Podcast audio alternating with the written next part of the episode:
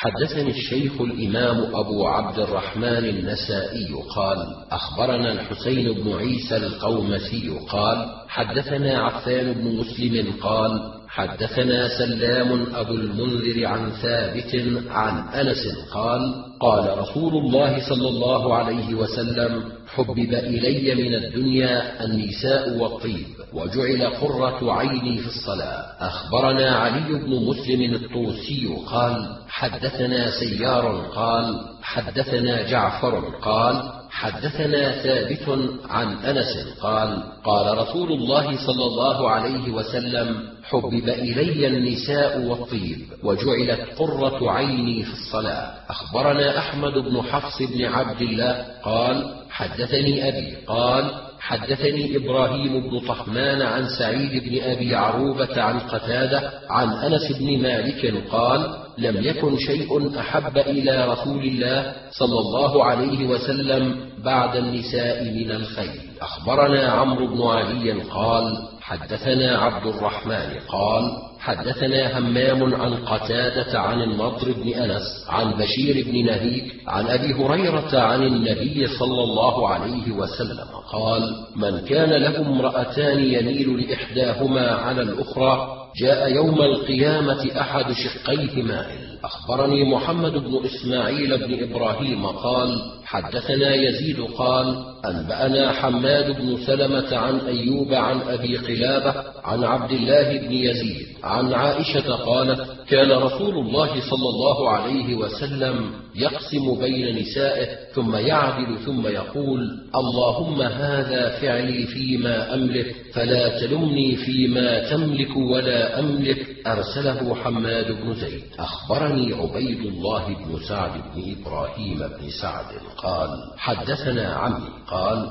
حدثنا أبي عن صالح عن ابن شهاب. قال أخبرني محمد بن عبد الرحمن بن الحارث بن هشام أن عائشة قالت أرسل أزواج النبي صلى الله عليه وسلم فاطمة بنت رسول الله صلى الله عليه وسلم إلى رسول الله صلى الله عليه وسلم فاستأذنت عليه وهو مضطجع معي في مرضي فأذن لها فقالت يا رسول الله إن أزواجك أرسلنني إليك يسألنك العدل في ابنة أبي قحافة وأنا ساكتة فقال لها رسول الله صلى الله عليه وسلم أي بني ألست تحبين من أحب؟ قالت بلى. قال فأحبي هذه. فقامت فاطمة حين سمعت ذلك من رسول الله صلى الله عليه وسلم فرجعت إلى أزواج النبي صلى الله عليه وسلم فأخبرتهن بالذي قالت والذي قال لها. فقلنا لها ما نراك أغنيت عنا من شيء فارجعي إلى رسول الله صلى الله عليه وسلم فقولي له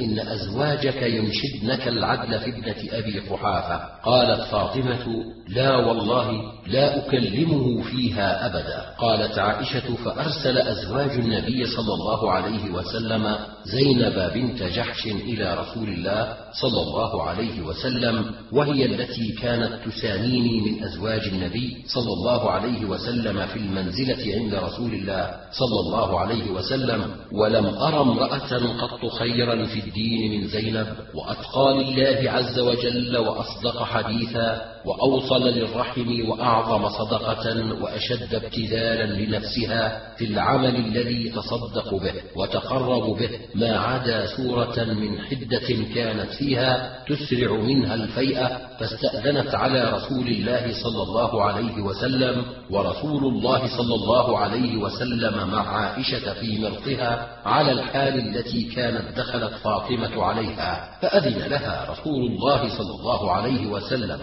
فقالت يا رسول الله إن أزواجك أرسلنني يسألنك العدل في ابنة أبي قحافة ووقعت بي فاستطالت وأنا أرقب رسول الله صلى الله عليه وسلم وأرقب طرفه هل أذن لي فيها؟ فلم تبرح زينب حتى عرفت أن رسول الله صلى الله عليه وسلم لا يكره أن أنتصر. فلما وقعت بها لم أنشبها بشيء حتى أنحيت عليها. فقال رسول الله صلى الله عليه وسلم إنها ابنة أبي بكر. أخبرني عمران بن بكار الحمصي قال حدثنا أبو اليمان قال أنبأنا شعيب عن الزهري قال أخبرني محمد بن عبد الرحمن بن الحارث بن هشام أن عائشة قالت فذكرت نحوه وقالت أرسل أزواج النبي صلى الله عليه وسلم زينب فاستأذنت فأذن لها فدخلت فقالت نحوه خالفهما معمر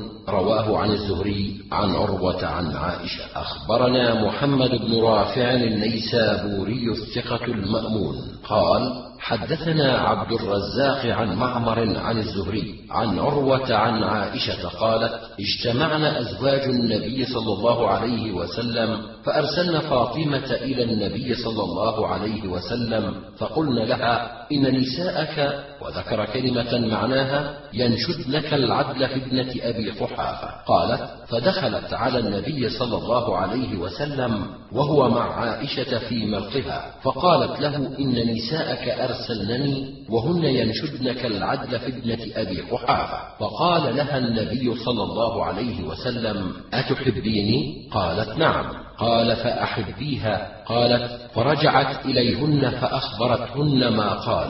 فقلن لها إنك لم تصنعي شيئا. فارجعي إليه. فقالت والله لا أرجع إليه فيها أبدا. وكانت ابنة رسول الله صلى الله عليه وسلم حقا. فأرسلن زينب بنت جحش قالت عائشة وهي التي كانت تساميني من أزواج النبي صلى الله عليه وسلم. فقالت أزواجك أرسلنني وهن ينشدنك العدل في ابنة أبي قحافة. ثم أقبلت علي تشتمني فجعلت أراقب النبي صلى الله عليه وسلم وأنظر طرفه هل يأذن لي من أن أنتصر منها؟ قالت فشتمتني حتى ظننت أنه لا يكره أن أنتصر منها فاستقبلتها فلم ألبث أن أفحمتها. فقال لها النبي صلى الله عليه وسلم إنها ابنة أبي بكر فلم أر امرأة خيرا ولا أكثر صدقة ولا أوصل للرحم وأبذل لنفسها في كل شيء يتقرب به إلى الله تعالى من زينب. ما عدا سورة من حدة كانت فيها توشك منها الفيئة قال أبو عبد الرحمن هذا خطأ والصواب الذي قبله. أخبرنا إسماعيل بن مسعود قال حدثنا بشر يعني ابن المفضل قال حدثنا شعبة عن عمرو بن مرة عن أبي موسى عن النبي صلى الله عليه وسلم قال فضل عائشة على النساء كفضل الثريد على سائر الطعام. أخبرنا علي بن خشرم قال أنبأنا عيسى بن يونس عن ابن أبي ذئب عن الحارث بن عبد الرحمن عن أبي سلمة عن عائشة أن النبي صلى الله عليه وسلم قال فضل عائشة على النساء كفضل الثريد على سائر الطعام. أخبرنا أبو بكر بن إسحاق الصغاني قال حدثنا شاذان قال حدثنا حماد بن زيد عن هشام بن عروة عن أبيه عن عائشة قالت قال رسول الله صلى الله عليه وسلم يا أم سلمة لا تؤذيني في عائشة فإنه والله ما أتاني الوحي في لحاف امرأة منكن إلا هي. أخبرني محمد بن آدم عن عبدة عن هشام عن عوف بن الحارث عن رميثة عن أم سلمة أن نساء النبي صلى الله عليه وسلم كلمنها أن تكلم النبي صلى الله عليه وسلم أن الناس كانوا يتحرون بهداياهم يوم عائشة وتقول له إنا نحب الخير كما تحب عائشة. فكلمته فلم يجبها. فلما دار عليها كلمته أيضا فلم يجبها. وقلنا ما رد عليك؟ قالت لم يجبني. قلنا لا تدعيه حتى يرد عليك أو تنظرين ما يقول.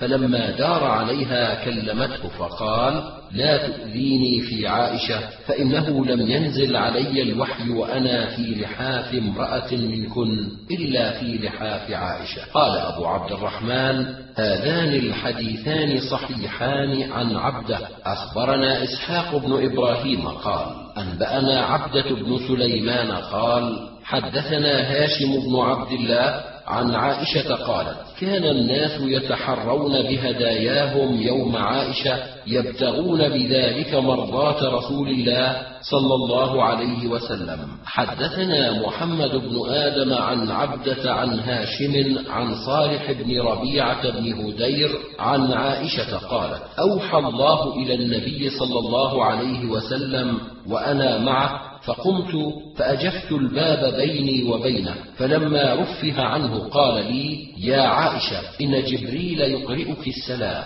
أخبرنا نوح بن حبيب قال حدثنا عبد الرزاق قال حدثنا معمر عن الزهري عن عروة عن عائشة أن النبي صلى الله عليه وسلم قال لها إن جبريل يقرأ عليك السلام. قالت وعليه السلام ورحمة الله وبركاته. ترى ما لا نرى. أخبرنا عمرو بن منصور قال حدثنا الحكم بن نافع قال أنبأنا شعيب عن الزهري قال أخبرني أبو سلمة عن عائشة قالت قال رسول الله صلى الله عليه وسلم يا عائشة هذا جبريل وهو يقرأ عليك السلام مثله سواء. قال أبو عبد الرحمن هذا الصواب والذي قبله خطأ. أخبرنا محمد بن المثنى قال حدثنا خالد قال حدثنا حميد قال حدثنا أنس قال كان النبي صلى الله عليه وسلم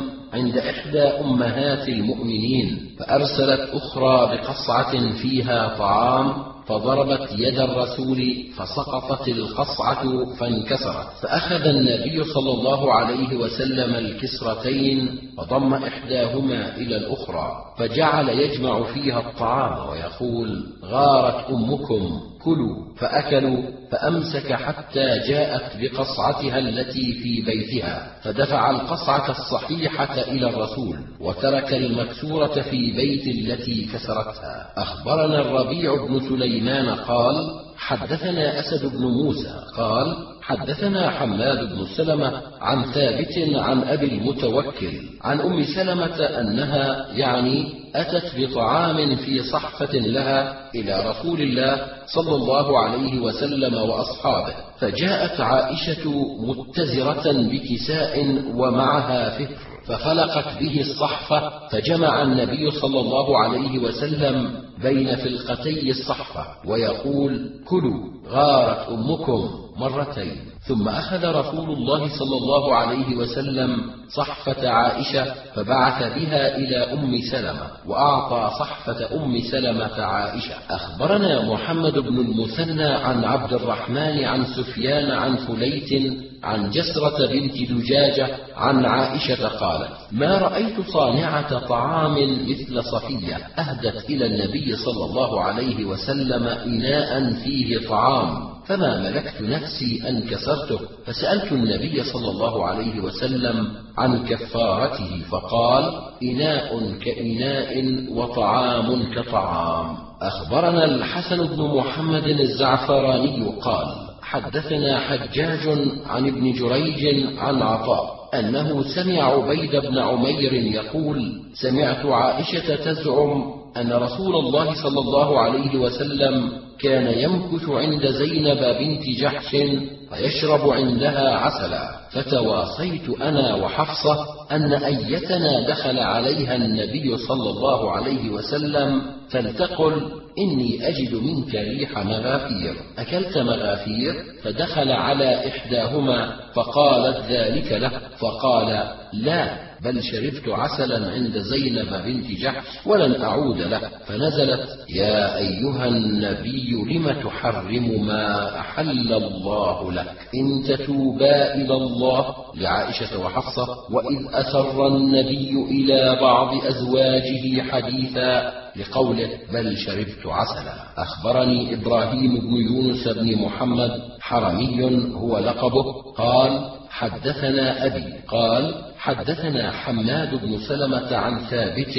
عن أنس أن رسول الله صلى الله عليه وسلم كانت له أمة يطأها فلم تزل به عائشة وحفصة حتى حرمها على نفسه. فأنزل الله عز وجل يا أيها النبي لم تحرم ما أحل الله لك? إلى آخر الآية. أخبرنا قتيبة قال حدثنا الليث عن يحيى هو ابن سعيد الأنصاري عن عبادة بن الوليد بن عبادة بن الصامت أن عائشة قالت التمست رسول الله صلى الله عليه وسلم فأدخلت يدي في شعره فقال قد جاءك شيطانك فقلت أما لك شيطان؟ فقال بلى ولكن الله أعانني عليه فأسلم. أخبرني إبراهيم بن الحسن المقسمي عن حجاج عن ابن جريج عن عطاء. أخبرني ابن أبي مليكة عن عائشة قالت فقدت رسول الله صلى الله عليه وسلم ذات ليلة فظننت أنه ذهب إلى بعض نسائه فتجسسته فإذا هو راكع أو ساجد. يقول سبحانك وبحمدك لا إله إلا أنت. فقلت بأبي وأمي إنك لفي شأن وإني لفي شأن آخر. أخبرنا إسحاق بن منصور قال حدثنا عبد الرزاق قال انبانا ابن جريج قال أخبرني ابن أبي مليكة أن عائشة قالت افتقدت رسول الله صلى الله عليه وسلم ذات ليلة فظننت أنه ذهب إلى بعض نسائه فتجسست ثم رجعت. فإذا هو راكع أو ساجد يقول سبحانك وبحمدك لا إله إلا أنت. فقلت بأبي وأمي إنك لفي شأن وإني لفي آخر. أخبرنا سليمان بن داود قال أنبأنا ابن وهب قال أخبرني ابن جريج عن عبد الله بن كثير أنه سمع محمد بن قيس يقول سمعت عائشة تقول ألا أحدثكم عن النبي صلى الله عليه وسلم؟ وعني قلنا بلى. قالت لما كانت ليلتي انقلب فوضع عليه عند رجليه ووضع رداءه وبسط إزاره على فراشه ولم يلبث إلا ريثما ظن أني قد رقدت ثم انتعل رويدا وأخذ رداءه رويدا ثم فتح الباب رويدا وخرج وأجافه رويدا. وجعلت درعي في رأسي فاختمرت وتقنعت إزاري وانطلقت في إثره حتى جاء البقيع فرفع يديه ثلاث مرات. وأطال القيام ثم انحرف وانحرفت فأسرع فأسرعت فهرول فهرولت فأحضر فأحضرت وسبقته فدخلت وليس إلا أن اضطجعت فدخل فقال ما لك يا عائش رابية؟ قال سليمان حسبته قال حشيا. قال لتخبرني أو ليخبرني اللطيف الخبير. قلت يا رسول الله بأبي أنت وأمي. فأخبرته الخبر. قال أنت السواد الذي رأيت أمامي؟ قلت نعم. قال فلهدني لهدة في صدري أوجعتني. قال أظننت أن يحيف الله عليك ورسوله قالت مهما يكتم الناس فقد علمه الله عز وجل. قال نعم. قال فإن جبريل عليه السلام أتاني حين رأيت ولم يكن يدخل عليك وقد وضعت ثيابك فناداني فأخفى منك فأجبته وأخفيته منك وظننت أنك قد رقدت فكرهت أن أوقظك وخشيت أن تستوحشي فأمرني أن آتي أهل البقيع فأستغفر لهم. خالفه حجاج بن محمد فقال عن ابن جريج عن ابن أبي مليكة عن محمد بن قيس. حدثنا يوسف بن سعيد بن مسلم المصيصي قال حدثنا حجاج عن ابن جريج أخبرني عبد الله بن أبي مليكة أنه سمع محمد بن قيس بن مخرمة يقول سمعت عائشة تحدث قالت ألا أحدثكم عني وعن النبي صلى الله عليه وسلم؟ قلنا بلى. قالت لما كانت ليلتي التي هو عندي تعني النبي صلى الله عليه وسلم انقلب فوضع نعليه عند رجليه ووضع رداءه وبسط طرف إزاره إزاره على فراشه فلم يلبث إلا ريثما ظن أني قد رقدت. ثم انتعل رويدا وأخذ رداءه رويدا ثم فتح الباب رويدا وخرج وأجافه رويدا. وجعلت درعي في رأسي واختمرت وتقنعت إزاري فانطلقت في إثره حتى جاء البقيع. فرفع يديه ثلاث مرات وأطال القيام ثم انحرف فانحرفت فأسرع فأسرعت فهرول فهرولت فأحضر فأحضرت وسبقته فدخلت فليس إلا أن اضطجعت فدخل. فقال ما لك يا عائشة؟ حش يا رابية. قالت لا. قال لتخبرني أو ليخبرني اللطيف الخبير. قلت يا رسول الله بأبي أنت وأمي. فأخبرته الخبر. قال فأنت السواد الذي رأيته أمامي؟ قالت نعم. قالت فلهدني في صدري لهدة أوجعتني. ثم قال أظننت أن يحيف الله عليك ورسوله؟ قالت مهما يكتم الناس فقد علمه الله. قال نعم. قال فإن جبريل عليه السلام أتاني حين رأيت ولم يكن يدخل عليك وقد وضعت ثيابك. فناداني فأخفى منك فأجبته فأخفيت منك فظننت أن قد رقدت وخشيت أن تستوحشي فأمرني أن آتي أهل البقيع فأستغفر لهم. رواه عاصم عن عبد الله بن عامر عن عائشة على غير هذا اللفظ. أخبرنا علي بن حجر قال أنبأنا شريك عن عاصم عن عبد الله بن عامر بن ربيعة عن عائشة قالت فقدته من الليل وساق الحديث.